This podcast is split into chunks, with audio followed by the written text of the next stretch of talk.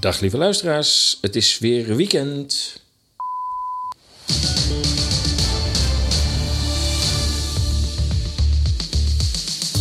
Het is inderdaad weer weekend en weer tijd voor Radio Moddergat, de vrije podcastradio van ezas.nl.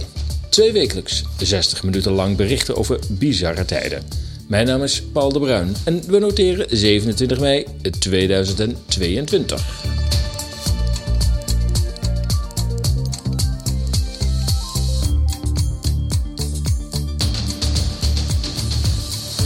In deze uitzending de volgende onderwerpen. Documentairemaker Marijn Poels maakte een nieuwe documentaire genaamd Pandemd. En we luisterden een Duits gesprek af over de vraag of we nog in de democratie leven.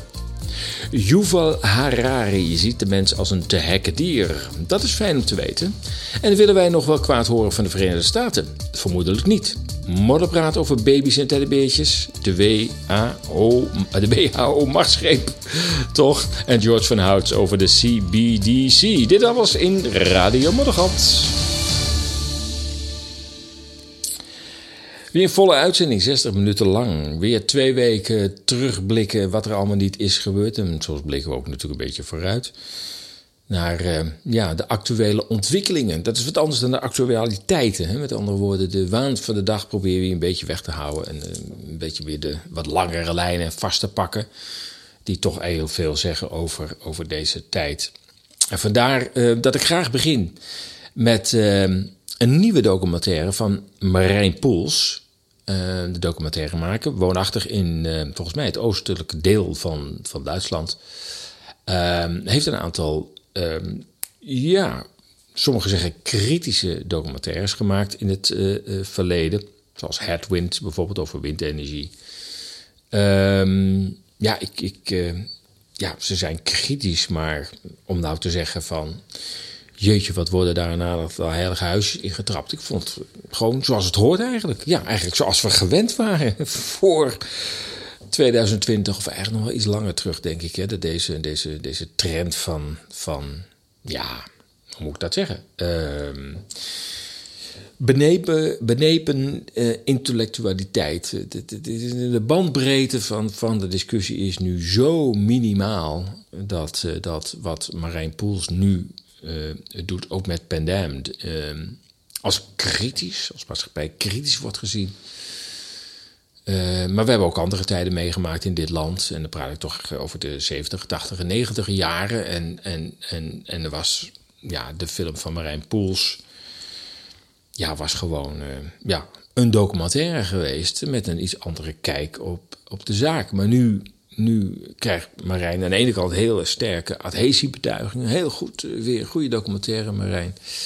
En krijgt natuurlijk ook weer heftige kritiek over zich heen. En dat is wel um, helaas um, iets van, van deze tijd. Ik laat een aantal fragmenten horen uit deze, um, vind ik, boeiende documentaire. Ik geloof dat die iets van twee uur uh, duurt. is more powerful in creating political, economic and social upheaval than any terrorist attack. We're going to begin here with the outbreak of a mystery virus in China. Mysterious new virus detected in der chinesischen Millionenstadt Wuhan. A SARS-like virus which has infected hundreds in China. The reason for fear is real. Infections are worrying governments around the globe. The Philippines has reported the first death. A Chinese tourist in France has died of the coronavirus. What we now know is that it's spreading from human to human. In Deutschland gibt es zwei weitere Corona-Fälle. COVID-19 can be characterized as a pandemic. The message to us is simple. Get ready. De risico's voor u zo klein mogelijk te maken. Het is ernst. A very simple instruction. You must stay at home.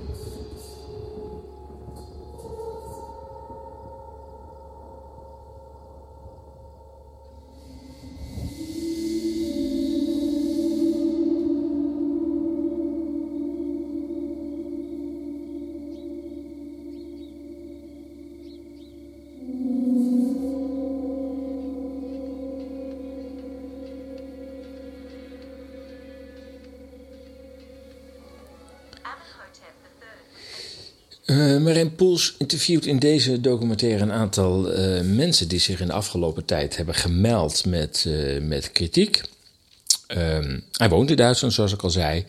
En dat betekent dat hij ook uh, mensen heeft opgezocht. Niet alleen in Duitsland, maar wel een aantal in Duitsland. Een aantal ook in Berlijn. En ik vind het ook wel leuk om, om, om ook wat, wat meer Duitse bronnen te laten horen. Um, dat doe ik op de website ook. Um, om wat meer naar ook de Duitse media te kijken. En ook naar de Duitse vrije media. Want die zei. Oh, de stoel kraakt een beetje. Uh, wat die zijn daar natuurlijk ook. Uh, omdat natuurlijk, ja, Duits is natuurlijk niet zo'n populaire taal. Heel veel mensen spreken dat niet of niet meer. Maar ja, ik zeg altijd maar zo, je moet je wel realiseren dat Duits is een, uh, heeft een taalgebied van 100 miljoen Europeanen. Dus 100 miljoen Europeanen spreken Duits. En dan heb ik het eigenlijk uh, nog over de mensen die, uh, die, uh, die officieel Duits spreken, dus zeg maar hun moedertaal is. Maar daarnaast heb je natuurlijk ook nog landen die, nou ja, zoals in Tsjechië, Hongarije, Polen, waar ook nog enigszins Duits wordt gesproken. Dus het is een relevante taal. Het is een taal van de muziek, van de wetenschap, van de cultuur. Dus um, altijd belangrijk taalgebied om, om in de gaten te houden. Um, de eerste persoon die, hij, uh, die Marijn spreekt is Ulrike Gerro. Gerro. Uh, ze is Duits, het klinkt heel Frans. Uh, zij is professor politieke wetenschappen in, uh, in Bonn, maar volgens mij woont zij in Berlijn. En in dat interview um, is haar kern van, van wat zij zegt: van ja, wie niet spreekt, merkt niet dat hij tegen de muur praat. Nur wer spricht, merkt ja, dass er auf Widerstände stößt. Also viele haben ja sozusagen diese Erfahrung, äh, dass man mit kritischer Stimme gegen eine Wand spricht, gar nicht gemacht. Und wer keine Erfahrung macht, äh, fühlt das nicht. Ja, dat is dus wat zij aangeeft van heel veel mensen hebben nog helemaal niet ja, in de gaten wat er, wat, wat, wat er gaande is. Hè? Men heeft zoiets van, ja, ik merk eigenlijk uh, uh, niks. Ik uh, ga nog naar mijn werk en nou, is wel lekker. twee dagen nog maar naar, naar het kantoor. En de andere drie kan ik thuis werken. En uh, nou, ik vind het eigenlijk wel, uh, wel prima zo. En zij zegt eigenlijk, ja, natuurlijk heel veel mensen merken dat nog niet. Omdat ze ook geen kritiek hebben op de huidige situatie. Ze hebben er vooralsnog geen last van. Um, en dat maakt dat, uh, dat, dat, dat mensen nog redelijk onbezonnen naar de huidige situatie kijken. Maar al diegenen die zich in de afgelopen twee jaar hebben... het is geen letterlijke vertaling overigens die ik doe hoor, ik vul het wat aan...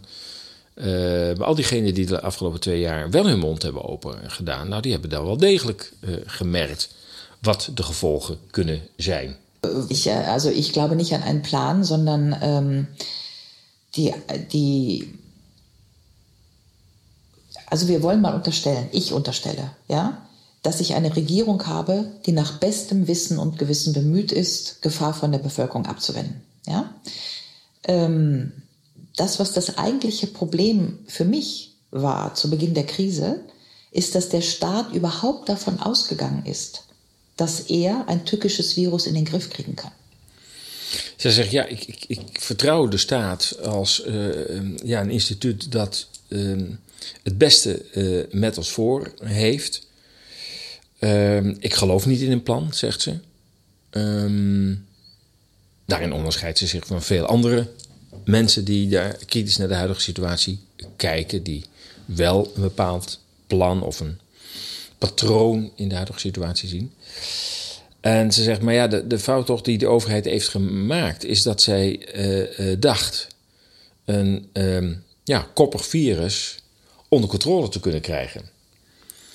En die patronen, op zich, eh, mensen die kritiek hebben op de huidige situatie, die zien natuurlijk patronen omdat zij ja, wat meer in de materie zijn uh, gaan duiken. En duizenden documenten tegenkomen en, en videoverklaringen van toch mensen die in het hele circuit er toen uh, toe doen.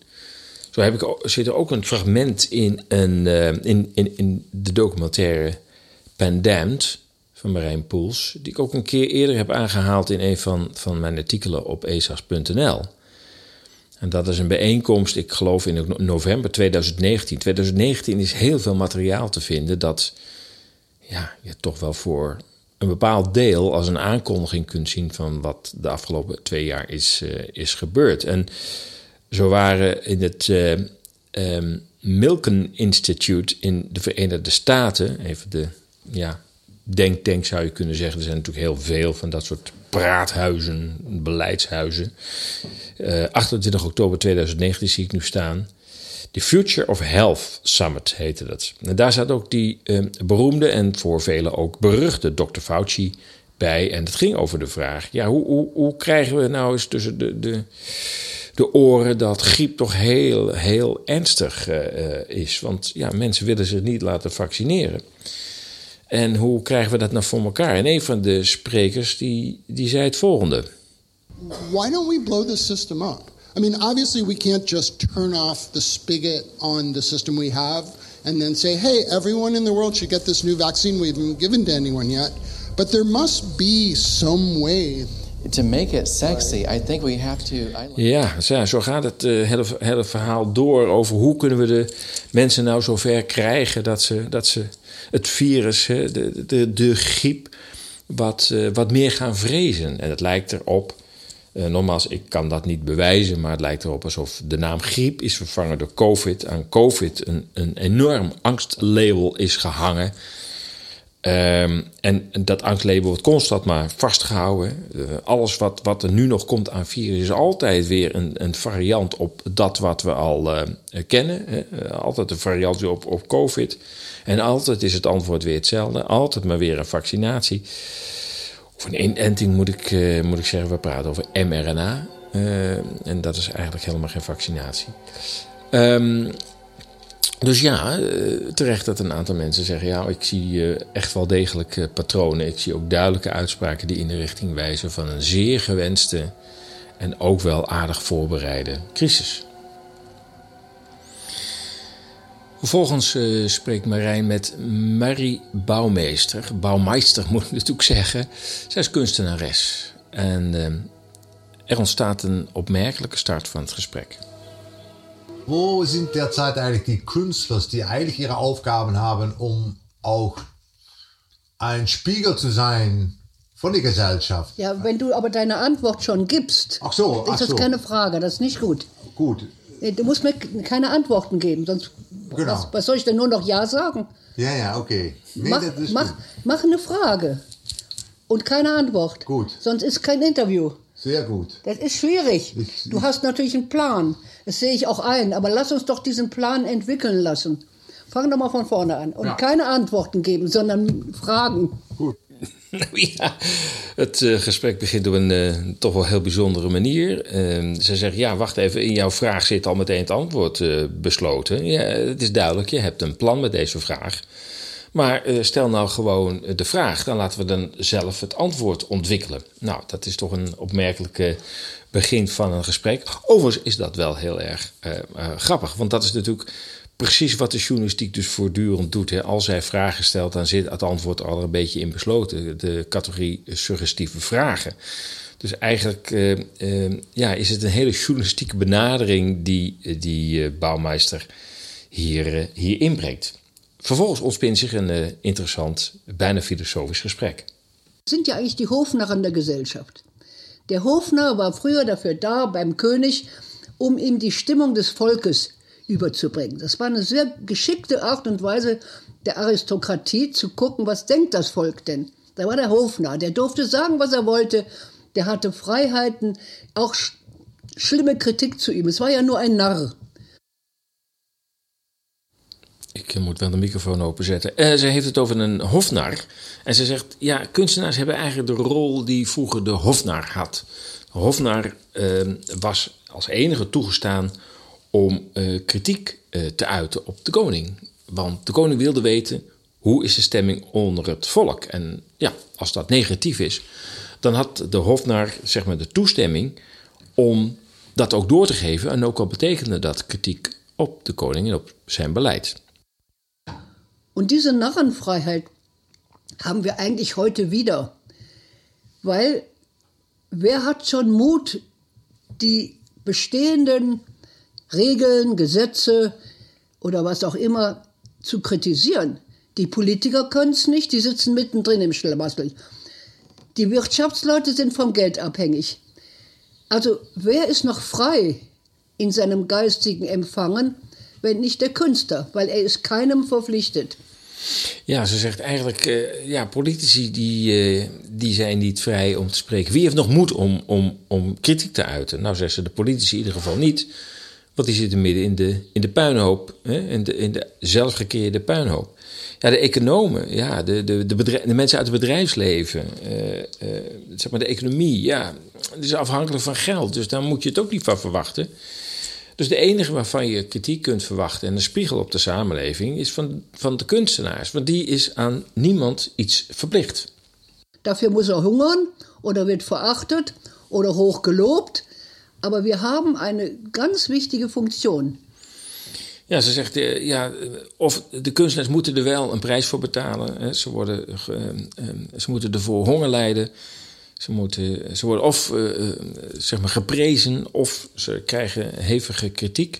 Maar ze hebben wel een heel belangrijke functie. Wat zij vervolgens uh, zegt, deze uh, Mary is van we missen eigenlijk de rituelen. We, hebben, we missen de houvast. We hebben geen Rituale meer. Die Religion hat ausgedient. Die Kirchen sind nicht mehr glaubhaft. Aber uns fehlt etwas. Uns fehlt ein, und das nenne ich den Ritus, es geht das Rituale der religiösen Zusammenkünfte. Egal, ob das Aberglauben ist oder nicht. Glauben ist mehr als Wissen. Glauben hält Dinge für möglich, die wir noch gar nicht beweisen können. Also alles, was der, durch die Abschaffung des Glaubens im reinen Materialismus gelandet ist, ist verarmt. Und da hat der Künstler auch wieder eine Aufgabe, nämlich ein, ein, ein, ein Rituale aufzubauen, die die Menschen packen, die die Menschen mitmachen können. So wie früher die Menschen Ostern in die Kirche gingen oder zu Weihnachten. Das ist ein bewegendes Gemeinschaftserlebnis. Das gibt es hier heute nicht mehr. Ja, dat is een heel belangrijke natuurlijk. Dat ze zeggen, ja, we missen de, de, de, de rituelen, het samenkomen. Uh, ze zeggen ja, of, of geloof nou uh, geloof is of bijgeloof, dat, dat doet niet de zaken. Maar het, het, het, het bracht rituelen, het bracht ritme, het bracht een samenhang tussen, tussen mensen. En um, dat, dat, dat missen we nu heel erg. We zijn echt in het materialisme geland. En dat, ja, dat kent ook wel weer rit, rituelen, maar dat zijn weer heel andere rituelen. Dus met het geloof, uh, met het verdwijnen van het geloof bij heel veel mensen, zijn is ook de houvast uh, verdwenen. En dat, is, en dat is mijn toevoeging, dat heeft zij niet gezegd. Um, daardoor zie je ook dat mensen aan andere um, ankers gaan hangen. En dat, dat, dat zijn ja, helden, dat zijn uh, populaire sporters, dat zijn uh, talkshow hosts, hosts waar, waar, waar, waar we men, men zegt van ja, wat die gisteravond zei in die talkshow, ja, daar hecht ik wel aan. Ik, ik, ik, ik volg hem al heel lang. En men zoekt eigenlijk nieuwe ankers om zijn mening uh, te vormen. En daarin spelen de media natuurlijk een hele grote uh, rol. Maken er gebruik van. Je kunt ook zeggen misbruik van. Mensen zijn er gewoon veel ontvankelijker voor. Je hoort vaak van mensen die nog steeds gelovig zijn, die zeggen van ja, moet je horen, tussen mij en God komt geen overheid. Uh, met andere woorden, God, het geloof, uh, dat, is mijn, dat, is, dat is mijn anker, dat is mijn oriëntatiepunt. En uh, ja, daartussen gaat niks frommelen. Daar zit niks tussen. En die mensen hebben ook in de afgelopen twee jaar in doorsnee, ja, tot denk ik uh, minder gedwaald, gezocht, uh, verward geweest, bang geweest dan uh, mensen die dat soort houvast niet hadden. We gaan in eine Richtung nach ähm, Transhumanismus, wie du sagst, ohne Herz und Gefühl. Und, und das macht mich Angst. Und was kann ich dagegen tun? Selber deine Seele nicht verkaufen. Gibt es doch wunderschöne Märchen. Es gibt immer Menschen, die sich dem Teufel verschreiben wegen eines Vorteils in den Märchen. Und am Schluss geht es nicht gut aus. Ja, um, uh, stelt de vraag over, ja, maar we gaan naar uh, ja, toch iets van transhumanisme. En dat, dat, ja, daar ben ik best wel bang voor. En ja, wat kan ik daar tegen doen? En meteen zegt, ze, zegt Bouwmeister daar bovenop, ehm, je ziel niet verkopen. Er zijn sprookjes waarin mensen hun ziel verkopen voor de duivel, uh, aan de duivel. En uh, dat loopt meestal niet goed af. Ja, aber man kann viel verlieren heutzutage, wenn man nicht mitgeht. Ja, was kannst du verlieren? Das ist die Angst. Die Leute haben Angst. Aber wo, wovor haben sie eigentlich Angst? Vor Lebenserfahrung? Wo, wo, es gibt überhaupt keinen Grund, Angst zu haben. Ja, Marijn zegt ik. Uh, maar goed, als je, als je niet meegaat in het transhumanisme, dan, dan, dan ja, dreig je wel heel veel te verliezen. En dan zegt uh, Bouwmeister: Ja, uh, wat, wat denk je dan te verliezen? Wat valt er te verliezen? Je hebt niks te verliezen. Ja, misschien je angst, maar er is helemaal geen reden om bang te zijn. Du, durch Angst ziehst du genau das an, wogegen du, wovor du Angst hast. Hm. Angst haben heißt, das muss ich noch lernen. Hm. Es gibt nichts, wovor wir Angst haben brauchen. Ja, ze zegt angst is eigenlijk een, een teken dat je nog iets moet leren. Met andere woorden, je, uh, angst moet je niet bang maken. Angst moet je zeggen van, oh, dat, dat, die ervaring moet ik blijkbaar nog opdoen. Das, das ist das, der Nachteil an der Demokratie. Äh, wir haben keinen Rat der Weisen mehr. mehr. Äh, du kannst Weise, Weisheit nicht wählen. Ja, ze zegt, een nadeel van de democratie is dat je geen raad van wijzen meer hebt. Wijzen, uh, of eigenlijk wijsheid kun je, kun je niet kiezen. Sondern die muss sich bewähren. Die moet zich bewijzen. Haben ja auch die Gurus so einen Zulauf. Weil die Menschen suchen eine Führung. Die wollen nicht selber denken oder sind noch unsicher und sind deshalb glücklich, dass sie jemand haben, der ihnen ein Vorbild ist. Aber ist es wirklich ein Vorbild oder ist es nur Angst, selber Entscheidungen zu machen? Ja, ze zegt mensen zoeken op dit moment houvast. Hè, naar voorbeelden, wat ik net al noemde, een, een talkshow-host of, of hè, een presentator van, een, van, van het journaal of het journaal zelf, eh, de NOS, eh, de krant, Afen. En ze zegt, ja, dat, dat, hoort echt bij, bij deze tijd. Maar, maar is het niet dan eigenlijk een teken van angst om zelf beslissingen te nemen? De Eerste war die spanische Grippe. Die spanische Grippe kam durch die Impfung der amerikanischen Soldaten. Das einzige Land, was sich nicht impfen ließ, war Griechenland. Da ist kein Mensch an der spanischen Grippe gestorben. Das weiß man heute. Alle anderen Länder, Erster Weltkrieg, Impfung. Also es gibt ja Beispiele. Und ich habe ja meine Kinder auch nicht impfen lassen. Das ist, äh, das ist eine Einstellung. Ent ja, dat is een Einstellung. Ze heeft het over uh, uh, de Eerste Wereldoorlog. En ze zegt, ja, de, de, griep die, de Spaanse griep die toen heerste... Dat is, dat is gekomen door het massaal vaccineren van Amerikaanse militairen... die toen naar uh, Europa kwamen. of, of vanwege hun betrokkenheid in de Eerste Wereldoorlog. En ze zegt, ja, het enige land dat niet overging tot vaccineren... was Griekenland. En Griekenland heeft dus geen last gehad van de Spaanse griep. Nogmaals, dat zijn haar uitlatingen. Ja, zei ze, ik heb mijn kinderen ook niet laten vaccineren. En voor mij is dat een manier van leven. Ja, tot zover uh, dit, dit, interessante interview met Mary Bouwmeister. Een, ja, een oudere kunstenares. Ehm, ik denk dat, dat ze heel helder Duits spreekt. Dus ik denk dat je zelf ook wel haar tekst hebt meegekregen. Um, met, met heel veel wijsheid en nuchterheid kijkt ze naar deze tijd. En dat zijn nou twee eigenschappen die, ja, die ik op dit moment juist heel erg uh, uh, mis. De, het lijkt wel alsof we helemaal geen levenservaring hebben. Ehm, of we ons zo weer makkelijk in het, het volgende avontuur laten starten. Dat er geen generieke wijsheid meer is. Dat zie je dus ook met, met, met Oekraïne. Waar, waar, is nou, waar zijn de staatshoofden, de leiders, om het zo maar eens te noemen, um, die, um, ja, die opstaan en zeggen: Ja, jongens, dit is, dit is, een, dit is een heilloze weg. En, en er gewoon tegenin gaan. Um, en het woord pakken, de microfoon pakken en zeggen: Ja, maar jongens, dit, is, dit, is geen, dit is geen te winnen oorlog. En als we dan het zo met Oekraïne hebben, op hebben, dan weet dan dat we nu Oekraïne het aan het vernietigen zijn, omdat wij denken dat we iets, iets kunnen winnen. Enfin, uh, dat heeft Bouwmeister allemaal niet uh, gezegd. Maar het is, uh, het is mijn algemene opmerking. We missen de wijsheid, we missen de nuchterheid om naar deze situatie uh, te kijken. We missen ook de ankers, we missen de rituelen.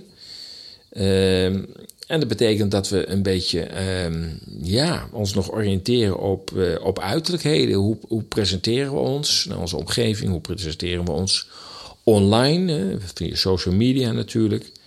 En we zijn wat we hebben. Met andere woorden, ja, als, als ik een grote auto heb, dan ben ik zelf ook wat groter geworden. Weet je, dan heb ik waarschijnlijk een goede baan of een groot hoog inkomen. Uh, als ik mooi woon, geeft het ook status. En dat, dat heeft weer effecten op mijn relaties met mijn omgeving. Maar ja, dat is inderdaad materialisme. En uh, juist de komende tijd zal juist dat materialisme onder druk komen te staan. We zien nu al hoe de prijzen uit de hand lopen van heel veel producten en diensten. En we ons straks dat materialisme voor een deel niet meer kunnen veroorloven. En er valt voor heel veel mensen nog ja, dat enige anker weg, namelijk om met materie te kunnen laten zien wie uh, ze zijn. Ook nog in de documentaire, daar sluiten we ermee af, is een bezoek van Marijn aan de kerstmarkt in Berlijn.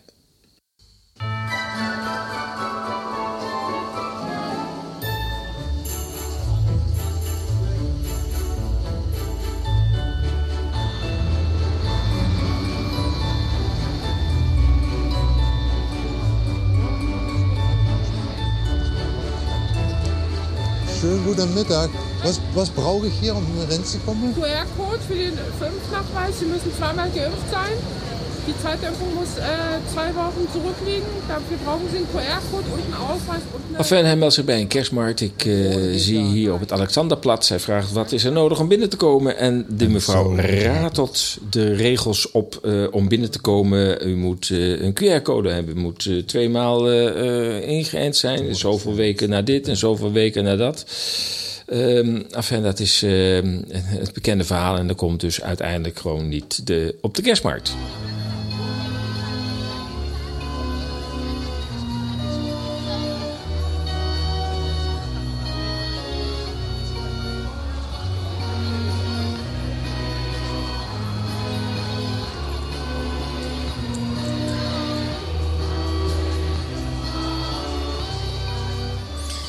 Ja, hier sluit ik uh, zeg maar uh, het. Uh, de, ja, hoe moet ik dat zeggen? De becommentariëring, de behandeling van, van deze prachtige documentaire van Marijn Poels af.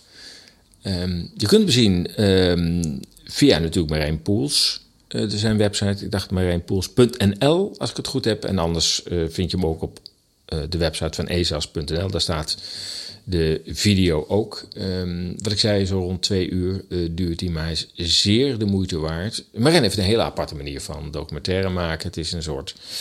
Ja, hij, hij zit vaak erbij en je, je, je volgt zeg maar zijn ontdekkingstocht.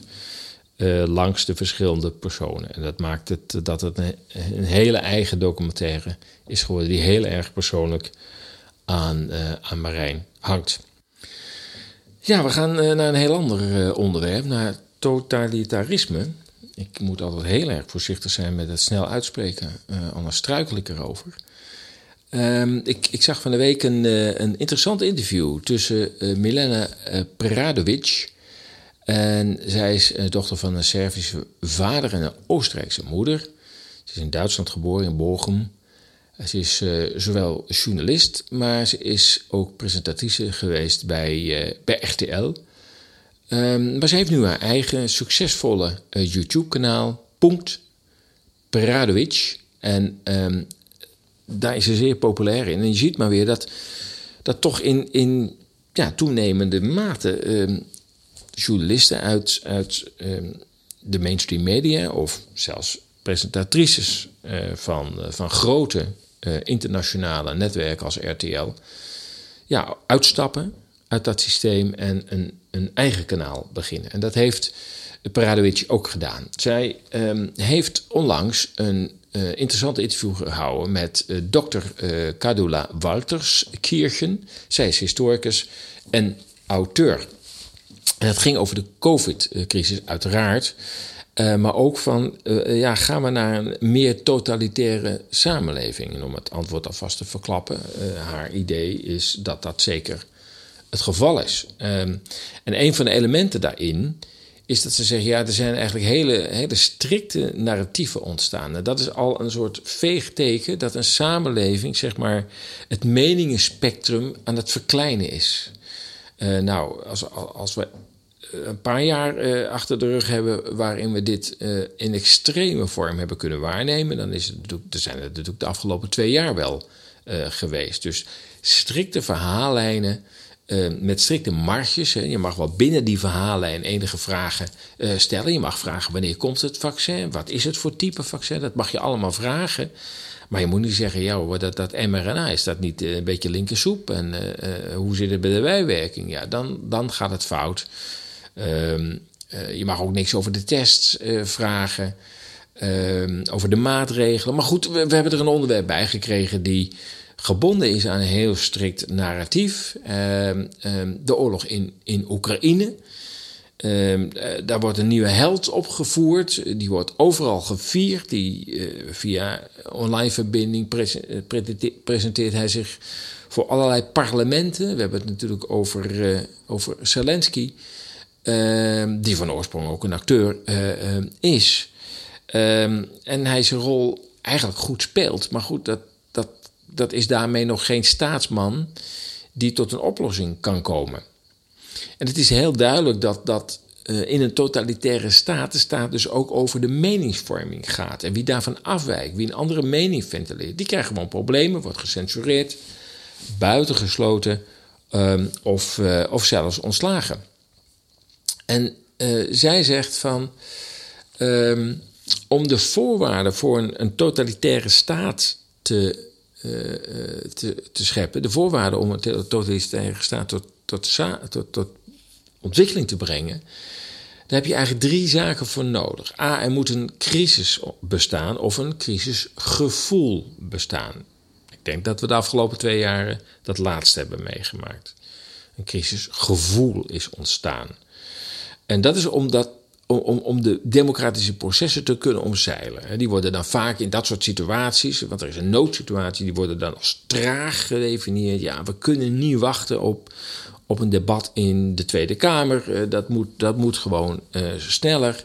We moeten even een, uh, een Rutteriaans geitenpaadje vinden om dat even snel te doen.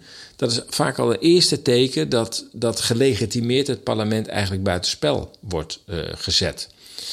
Een tweede element wat je waarneemt bij uh, opkomende totalitaire staten is dat, dat er vaak sprake is van wisselende maatregelen en einddoelen.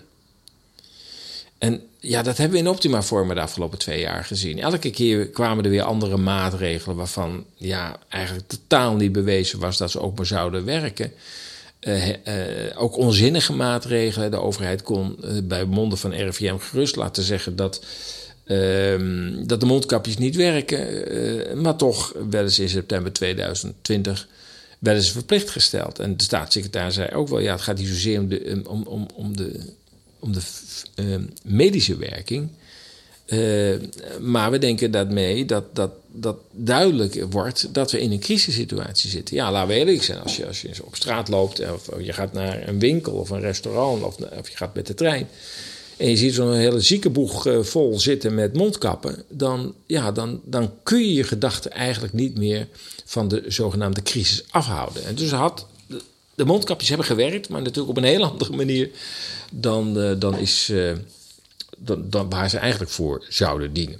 Ook de einddoelen, die veranderden steeds. Welke criteria golden er nou? Ja, flatten the curve. Ja, dat was natuurlijk al snel geregeld. Dus er moest er weer een ander doel komen. Ja, uh, de, de zorg. We moeten de ouderen beschermen. Uh, we moeten uh, onder een bepaalde besmettingswaarde komen. enfin, elke keer verschoven de doelpalen weer. Derde criterium is onderlinge relaties tussen mensen moet worden verzwakt. Ten gunste van de relatie tussen mens en staat. Ik heb er ook een artikel over geschreven op ESAS. En um, wat je, eigenlijk, je zou het eigenlijk een, naam kunnen geven. Het is het, de atomisering van de samenleving. We maken atomen van mensen die een beetje langs elkaar opzweven, maar elkaar ook wel weer afstoten. Dus men, de, atomen eh, zien elkaar wel, maar raken elkaar niet aan. Komen niet samen meer. Ze stoten elkaar af uit angst voor, nou ja, het virus. De ander kan besmet zijn en dat kan jou, jouw dood betekenen. Dat is, dat is in feite wat er gebeurt. En dat maakt je ehm, ontvankelijker voor boodschappen die dan van de overheid komen. Met andere woorden, als je dat onderlinge verband niet meer zo ervaart, dan ga je wat meer kijken, ja, wat zegt dan die overheid? Wat zeggen de media uh, uh, dan? Er komt, een, komt meer een top-down communicatie uh, tot stand dan ja, een communicatie tussen, tussen mensen.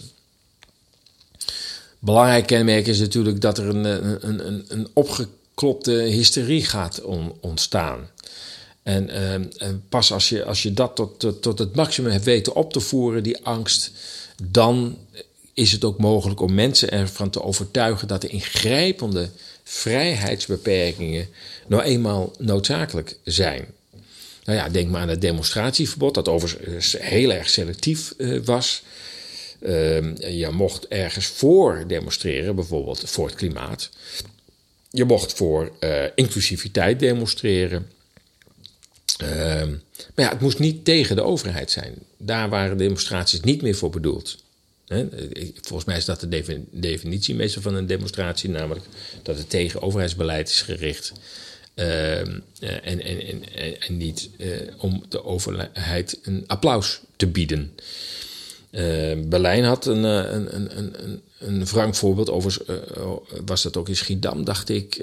dat dat nou ja, de ene week werd een demonstratie tegen um, de maatregelen werd verboden. En de week erop, het weekend erop, was er een demonstratie uh, voor uh, het klimaat, zeg maar. Hè? Om, om, om, nou ja, ook nog een, uh, een angstonderwerp. En in Berlijn zag je dat in het ene weekend ook weer voor de zoveelste keer in Berlijn zo'n demonstratie tegen de maatregelen werd verboden. En precies een week daarna Christopher Street Parade werd georganiseerd. Dat is een, um, um, ja, een, feestdag voor, voor homo's en lesbiennes. En ik noem er maar twee, het zijn natuurlijk veel meer groepen inmiddels. En uh, ja, het was uh, zonnig in uh, Berlijn, kon ik, kon ik online zien. En um, ja, 70.000 mensen dansten door de straten. En ja, natuurlijk aanraken. het was feest was vrolijkheid. En blijkbaar was er dus een week daarna, als het ging om de Christopher Street Parade, geen besmettingsgevaar.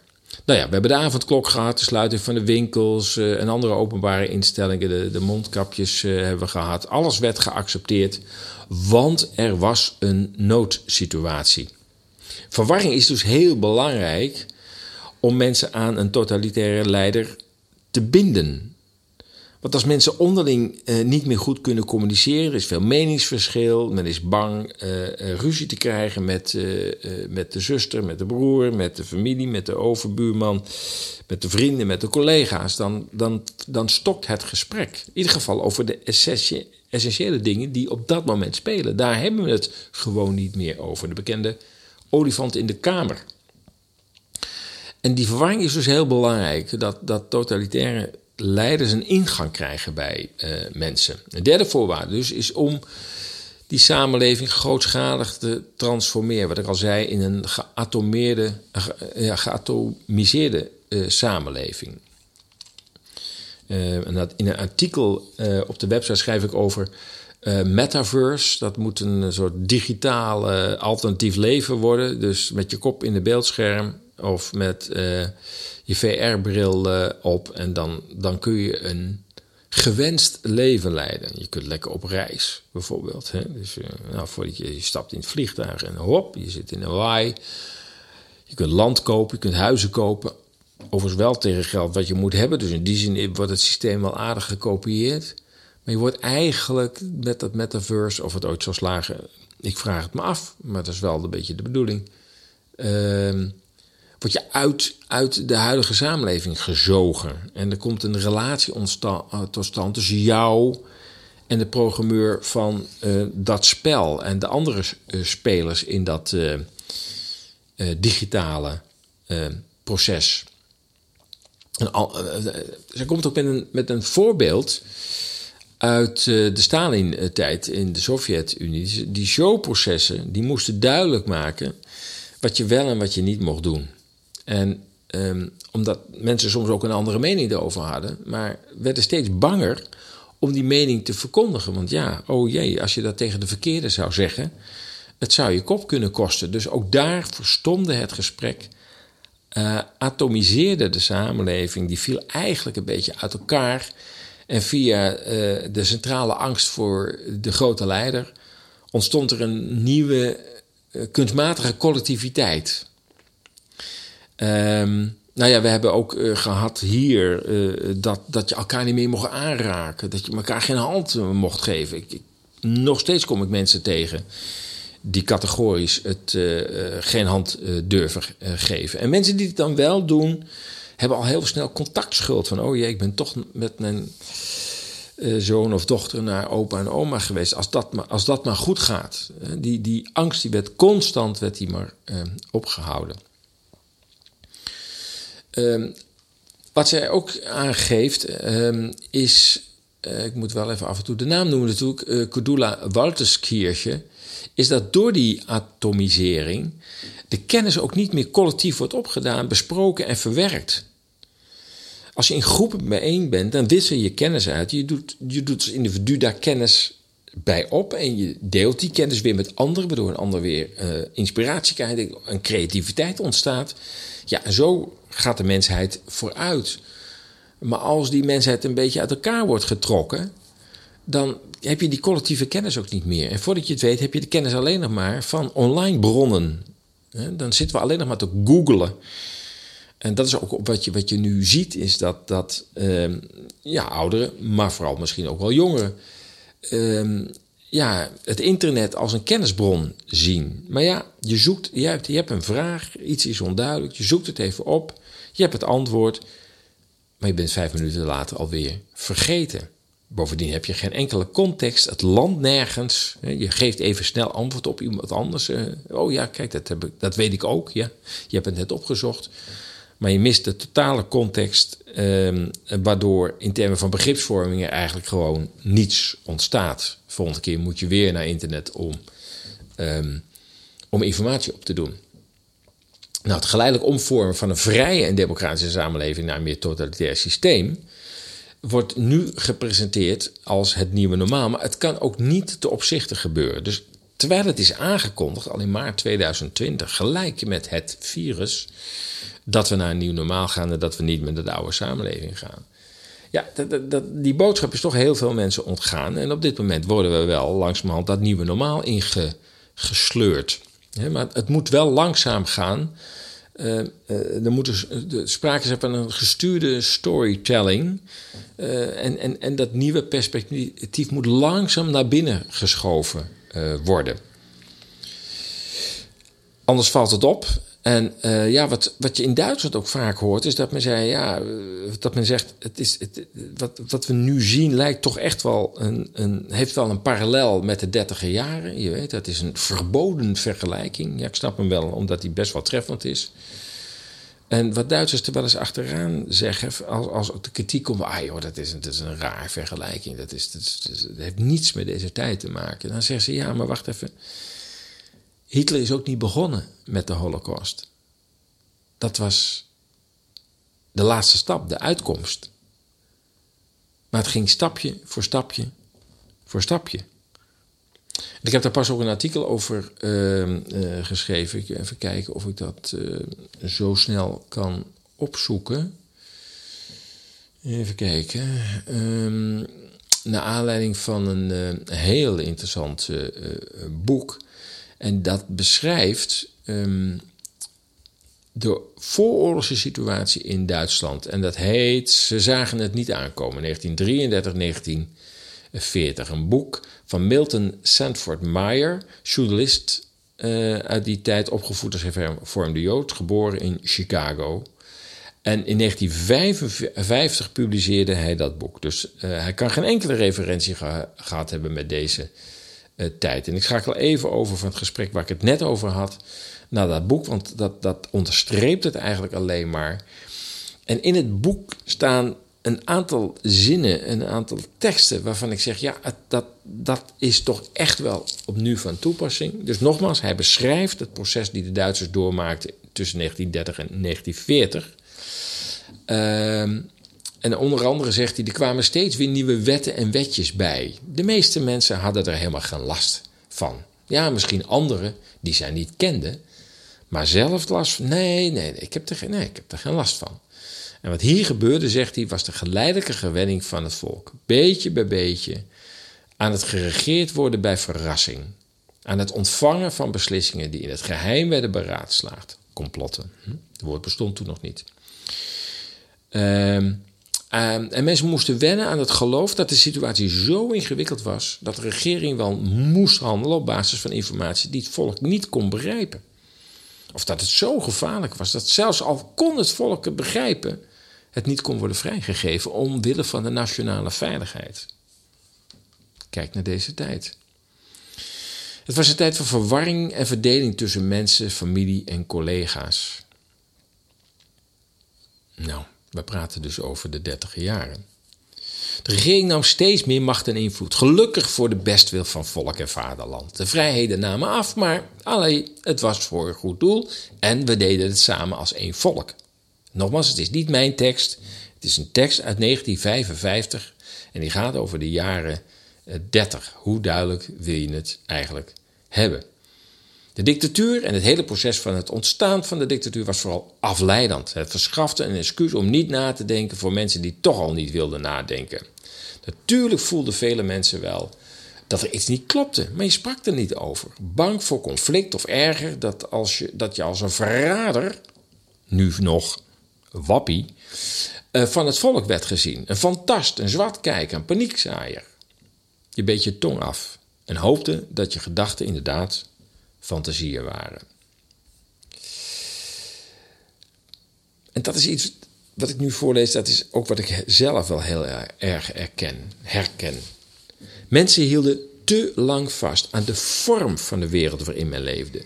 De vormen die er allemaal nog waren, onaangetast, geruststellend. De huizen, de winkels, de banen, de maaltijden, de bezoeken, de concerten, bioscoop, de vakanties. Maar de geest die men nooit had opgemerkt, omdat men, eh, dat men de levenslange fout maakte, haar met vormen te vereenzelvigen, was veranderd. Het systeem zelf kon dit in het begin niet zo bedoeld hebben, maar om zichzelf in stand te houden was het gedwongen om tot het uiterste te gaan. En dat is natuurlijk wat we nu ook waarnemen. We kijken naar buiten, we zien de lente, we zien de terrassen. Ons huis staat er nog, onze auto rijdt nog, we kunnen nog tanken. Uh, we kunnen weer op vakantie uh, als je aan de voorwaarden voldoet. In een aantal landen heb je ook geen voorwaarden meer. Dus ja, weet je, het, uh, eigenlijk is het toch al helemaal geen probleem meer. Wie maakt hier nou nog steeds problemen dat het in het najaar allemaal weer terugkomt? Enfin. Interessant. Ehm, om ook eens een keer over de grens te kijken. En als het gaat om het beruchte onderwerp, de vergelijking met de opkomst van Nazi-Duitsland, dan uh, gebruik ik het liefst Duitse bronnen. Ik denk, ja, zij zijn wel gelegitimeerd om die vergelijking te maken. Overigens willen ze, is hij daar ook niet uh, gewenst om die te maken, maar ik vind dat ze wel gelegitimeerd zijn om hem te maken. Dit is Radio Moddergat, wereldwijd te beluisteren via Soundcloud, Apple Podcasts, TuneIn en Spotify. Now, how exactly will the future masters of the planet look like? This will be decided by the people who own the data. Now, why is data so important?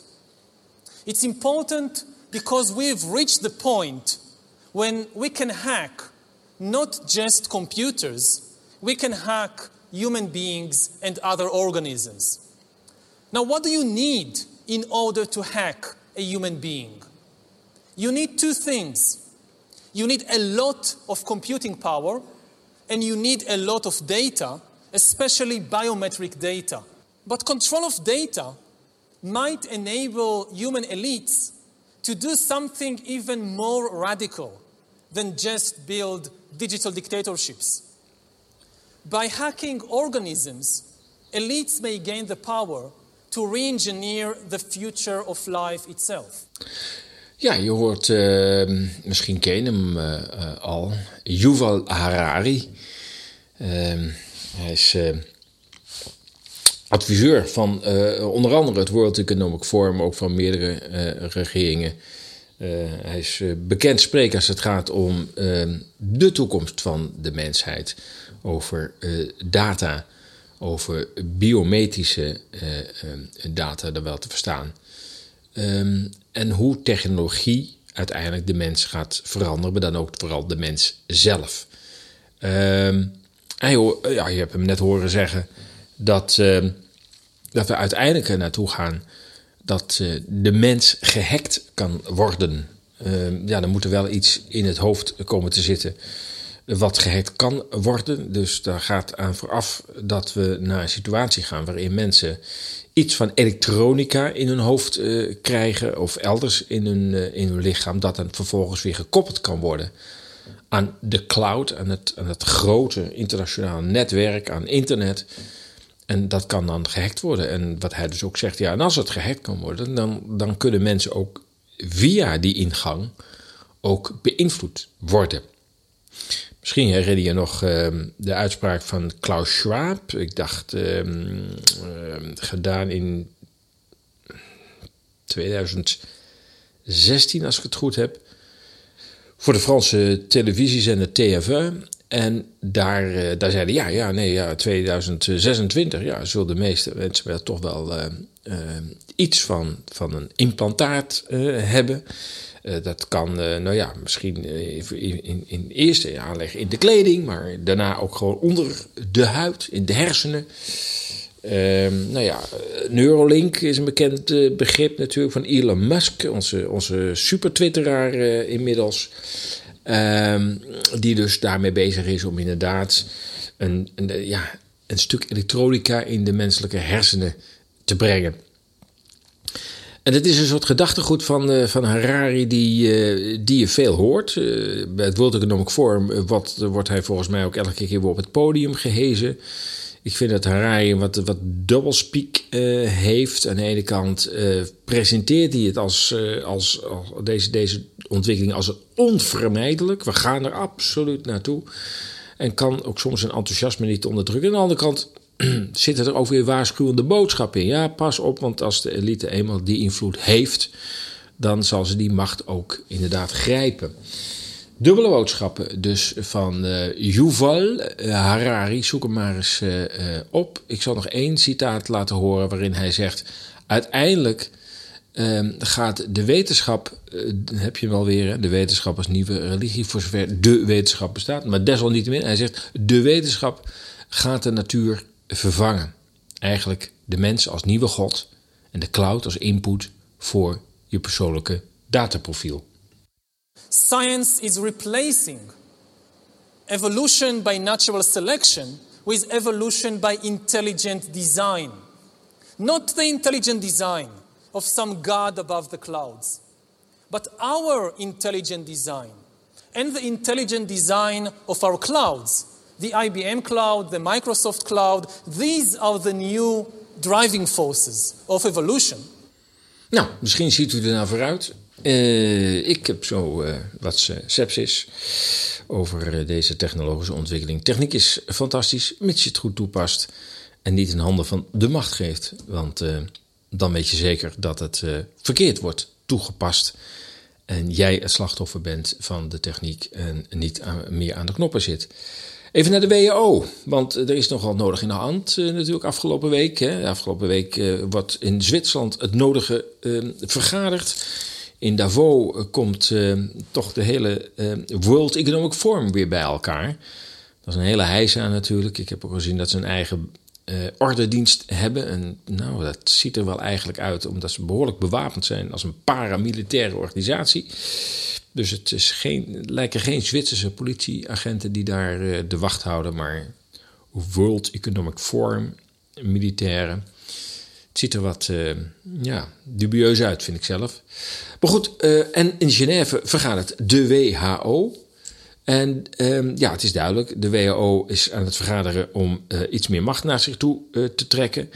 Er is op voorstel van de Verenigde Staten een aanpassing van ehm, de bevoegdheden van de WHO in bespreking, waarbij de WHO haar advisering ten aanzien van ehm, COVID-maatregelen eh, om kan zetten in gewoon een, een aanwijzing, een opdracht, een, een, gewoon een, een, een wettelijke opdracht waar de landen zelf dan geen invloed meer op hebben. En ehm, de consultatieverplicht van de WHO van landen uh, vervalt dan. Met andere woorden, de WHO hoeft niet meer te overleggen met landen, kan meteen maatregelen uh, opleggen uh, en die ook afdwingen.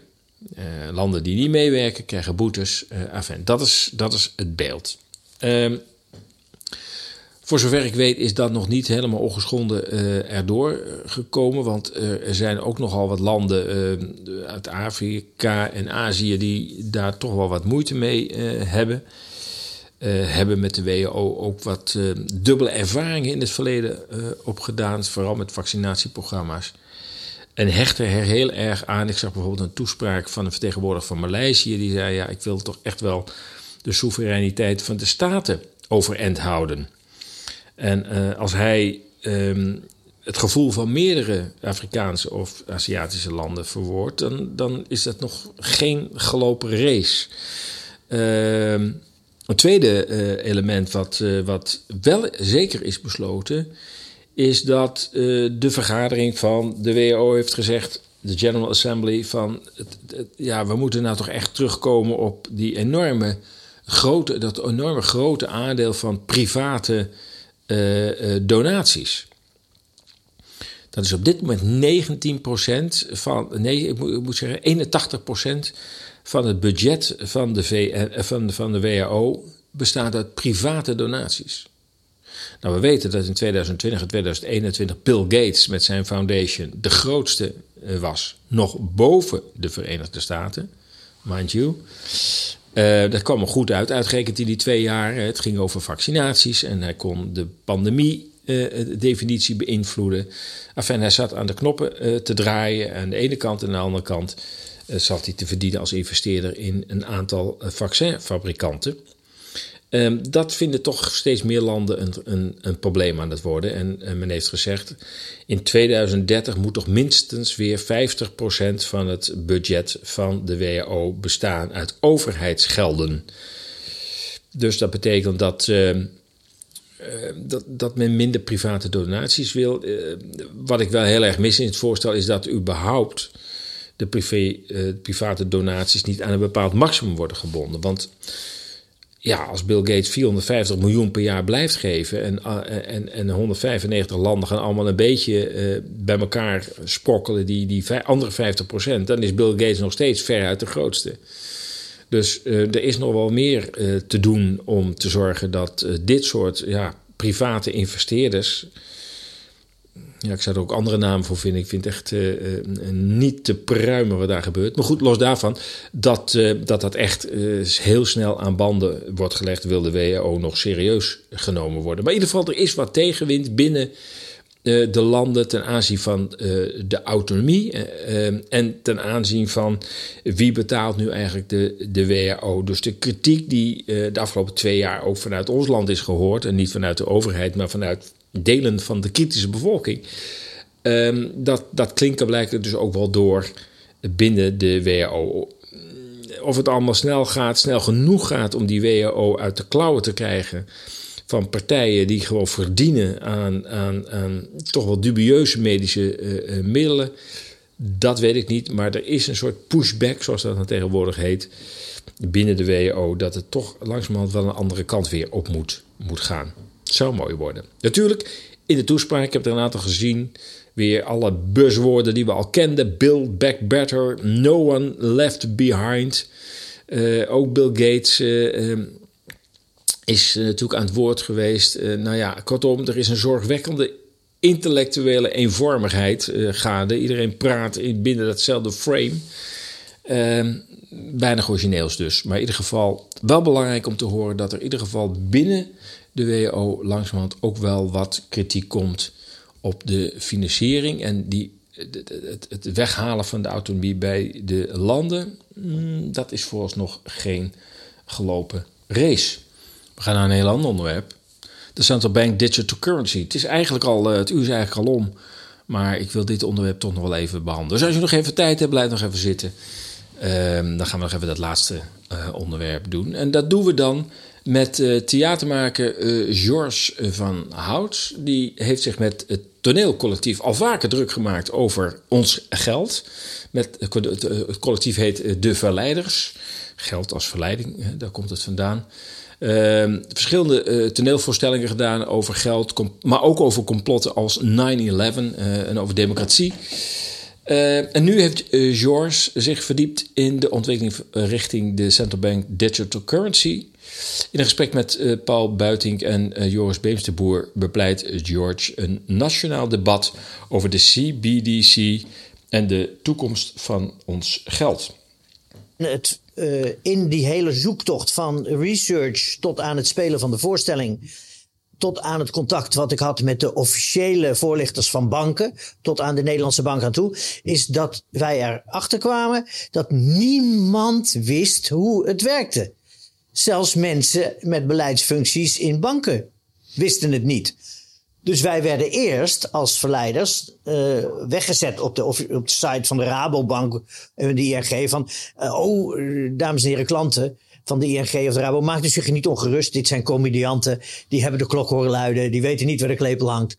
Laat u zich niet bang maken. Uw geld is bij ons in goede handen. Zo werkt het echt niet. Dacht u nou echt dat wij geld konden maken uit lucht? Nee hoor, dit zijn gewoon uh, een soort van Cote en de Bie, Jacobs en Van S types. Geen gezeik, iedereen rijk. Dus geniet u van de voorstelling, maar het, het is ver bezijden de waarheid. Nou, nog geen half jaar later moesten ze allemaal uh, hun websites herzien. En moesten ze het proces van geldcreatie uh, veel beter gaan uitleggen aan hun klanten. Ja. ja. ja, inderdaad. Zo gaat het. Eh, of zo ging het. En gelukkig wordt dat wat serieuzer genomen, het werk van uh, George en zijn, zijn medespelers in het toneelcollectief. Um, Geldcreatie is natuurlijk een heel ingewikkeld onderwerp. Daar is heel veel over te zeggen. Er, heel, er zijn heel veel misverstanden over. En uh, George probeert in, in, in begrijpelijke termen uh, kort uit te leggen wat, hoe, hoe geldcreatie tot stand komt. Maar heel eenvoudig legden wij het uit dat wij dachten altijd dat een bankier spaargeld inneemt. En dat spaargeld, daar geeft hij 3% spaarrente over. Zeg maar, en dat geld krijgt hij binnen. En dan leent hij dat uit aan iemand die geld nodig heeft. En dan vraagt hij 6% voor. En dan even van die 3% winst uh, leeft hij. Maar de, de gedachte, ook bij 95% van de Nederlandse bevolking, was: oh, dat spaargeld, dat gebruikt de bank om ja. dat uit te lenen. Puur intermediair. Puur intermediair. Ja. ja. En uh, de, zo werkt het niet. Een bank, zodra jij ga, daarheen gaat voor een lening. En je zegt: Ik heb een ton nodig, want ik heb een, uh, wil een huis kopen. Dan gaat de bank na of jij kredietwaardig bent. En dan zodra jij je handtekening zet onder de leenovereenkomst, dan typt de bank in 100.000 euro op jouw rekening. En met dat, op dat moment plip, is er 100.000 euro geschapen. En nu die central bank digital currency. De, de, de, Europe de centrale banken willen dat nu uh, digitaal gaan maken. Dus dan krijg je een rekening als burger bij een centrale bank waarop je CBDC gestort gaat krijgen. Want het is programmeerbaar geld, omdat het digitaal is. Uh, uh, en daarmee kun je allerlei leuke incentives inbouwen. Dat als jij bijvoorbeeld, we zullen allemaal binnen een jaar of vijf een CO2-budget krijgen. Nou, bijvoorbeeld, als jij dat jaar binnen je CO2-budget blijft, dan krijg je 100 euro CBDC als beloning van de centrale bank op je rekening bijgeschreven. Of als je een jaar lang niet te hard hebt gereden, of ja, of, je kunt, of je kunt op een gegeven moment niet tanken, want je hebt die maand al te veel uh, getankt. En dus werkt je, je CBDC. Dat is, de grote, dat is de grote adder onder het gras. Dan wordt het geldstelsel wordt een gedragsbeïnvloedend maar is, machtsmiddel. Maar is dat ook niet gewoon, dat, was toch in zekere zin ook wel de kritiek van veel commerciële banken op het voorstel van ons geld. Van nee, wacht eventjes, je gaat dan te veel macht bij de overheid leggen. En eigenlijk de angst die de commerciële banken hadden bij het verhaal van ons geld uh, was dan misschien wel in zekere zin terecht. Want ik zou het horen, ben je ook niet heel blij met, met de uitkomst dat de overheid die macht gaat krijgen? Uh, nee, maar wij hebben nooit bedoeld dat die vierde autoriteit, die voor het geldstelsel zou zorgen, dat die daarmee aan gedragsbeïnvloeding zou gaan doen. Je, kan, je moet er met z'n allen over hebben. Hoe richten we de samenleving in? Hoe, hoe, richten, hoe maken we economisch handelen mogelijk? Hoe, uh, hoe organiseren we dat? En dan is het. En nu ben ik bang dat iets als het geldstelsel uh, door die hele grote instituten uh, wereldwijd worden ingezet waarop wij geen enkele invloed hebben. Dat is dus het gevaar dat uh, Schwarzenhouse ziet. Um, dat is ook de reden dat hij werkt aan een nieuw theaterprogramma. Hij zegt, nou ja, het is altijd lange termijn werk met theaterprogramma. Hij zegt, we hebben al de theaters geboekt, 70 in het getal. hij maar waarschijnlijk dat het pas februari 2023 wordt dat wij met dit stuk over de central bank digital currency in de theaters zullen komen. En op de vraag um, van, um, van Paul Buitink. Wat ga je doen als er weer een lockdown komt? Nou, zegt hij, dan, uh, dan gaan we dat illegaal doen. Dan kraken we een theater. Dan gaan we in parkeergarages uh, aan de gang. Want de tweede, volgende keer zal ik dat niet meer accepteren. Nou, we gaan zien hoe um, dat eraan toe gaat. Wat zegt Christine Lagarde, de president van de Europese Centrale Bank, hier eigenlijk over? You know my views on, on CBDCs, and you know that uh, um, I have pushed uh, that project. Uh, Fabio Panetta is working hard on that together with members in the entire Eurosystem, with a high level task force that is working really hard on, on moving uh, forward.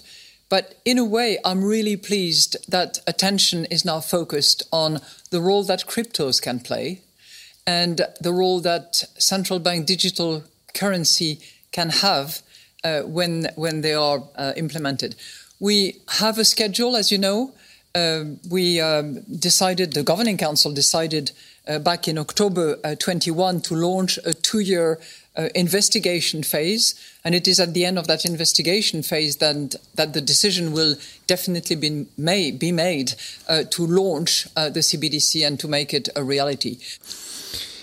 Het gaat nog even duren dus, uh, nog een jaartje of twee. Ik weet niet of we dan ook nog twee jaar lang in, in deze uh, ja, soort panieksituatie moeten worden gehouden... om ons een beetje af te leiden van de, deze grote uh, projecten. Overigens is dit, wat je net hoorde uit een verklaring van de Central Bank, de, de, de, de, Europese Centrale Bank, van 11 maart, jongsleden. Uh, Christine draagt dan ook een, mooi, mooie button op met uh, twee kleuren, blauw en geel. Dus iedereen moet, moet zich committen aan Oekraïne. Ik was van de week nog een keer in het Nationaal Park de Hoge Veluwe. En ook daar wappert de Oekraïense vlag. Het is, dat bedoel ik nou met een verstikkend uh, intellectueel klimaat. En een behoorlijk ingeperkt meningen. Ja, we gaan, er, uh, we gaan eruit. Eigenlijk, we zijn er al behoorlijk over tijd. Als ik ook nog één ding wil even, even kwijt wil. Dat vind ik toch wel even belangrijk om te zeggen.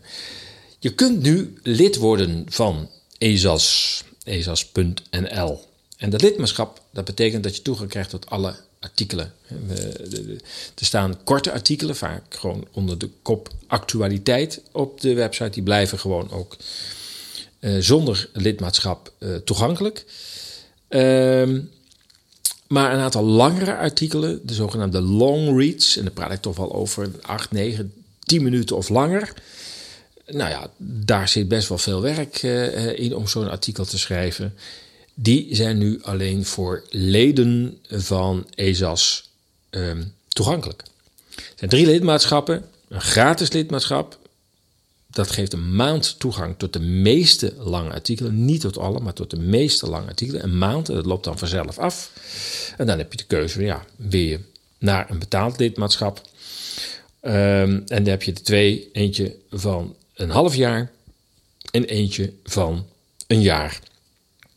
Je hoeft maar één keer te betalen voor dat hele jaar. Er zit geen automatisch incasso uh, aan vast. Ik heb er zelf een, een, een, hekel aan. Aan uh, kosten die eigenlijk automatisch gewoon uh, doorlopen. Dat is het dus niet. Je betaalt vooraf het bedrag voor het lidmaatschap. Um, als je snel bent, kun je nog van het voordeel gebruik maken. Er is een, een korting Um, voor een half jaar betaal je nu 20 euro in plaats van 25 euro. En voor een jaar betaal je nu 35 euro in plaats van 40 euro. En dat is dus tot 1 juni. Dus nog een paar dagen uh, kun je van dit uh, voordeel gebruik maken. Ga naar de website en kijk onder publicaties. Daar kun je dus zeg maar zo'n toegang kopen. En als het goed is, en ik heb al bij heel veel mensen gezien dat het goed is, gaat dat hele proces vanzelf. De betaling uh, regel je dan. Je krijgt automatisch een bevestigingsmail. Enfin, je kunt dan inloggen en je kunt dan alle artikelen voor een half jaar of een jaar blijven lezen. Nou, ik denk dat dat het wel is. Ja, er is natuurlijk heel veel meer te vertellen. We zijn behoorlijk uitgelopen. Al, al zijn al 70 minuten bezig. Maar ik vond dat van de CBDC toch wel even van belang. Modderpraat heb ik me even overgeslagen. Um, dat doen we de volgende keer wel weer. Niet waar? Het zit er weer op. Radio Moddergat van uh, de 27e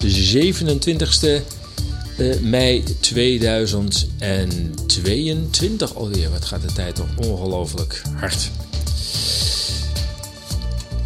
Als je deze uitzending hebt gewaardeerd, bezoek dan onze donatiepagina op ezas.nl. ESA's nieuwsbrief is onmisbaar. Als je niets van ESA's wil missen, ben je nog niet geabonneerd, meld je dan aan via ezas.nl slash volgen Verder kun je ons ook volgen via Telegram. Hier vind je ons onder ESASNL. Ook zijn we te vinden op vrije social media kanalen als Rebelbase. Kijk daarvoor meer informatie op onze website. We hebben ook nog RSS. Kijk ook even hoe je dat kunt activeren. Voor nu wens ik je een heel prettig weekend. Blijf gezond, blijf sterk en tot over twee weken. Humans are now hackable animals.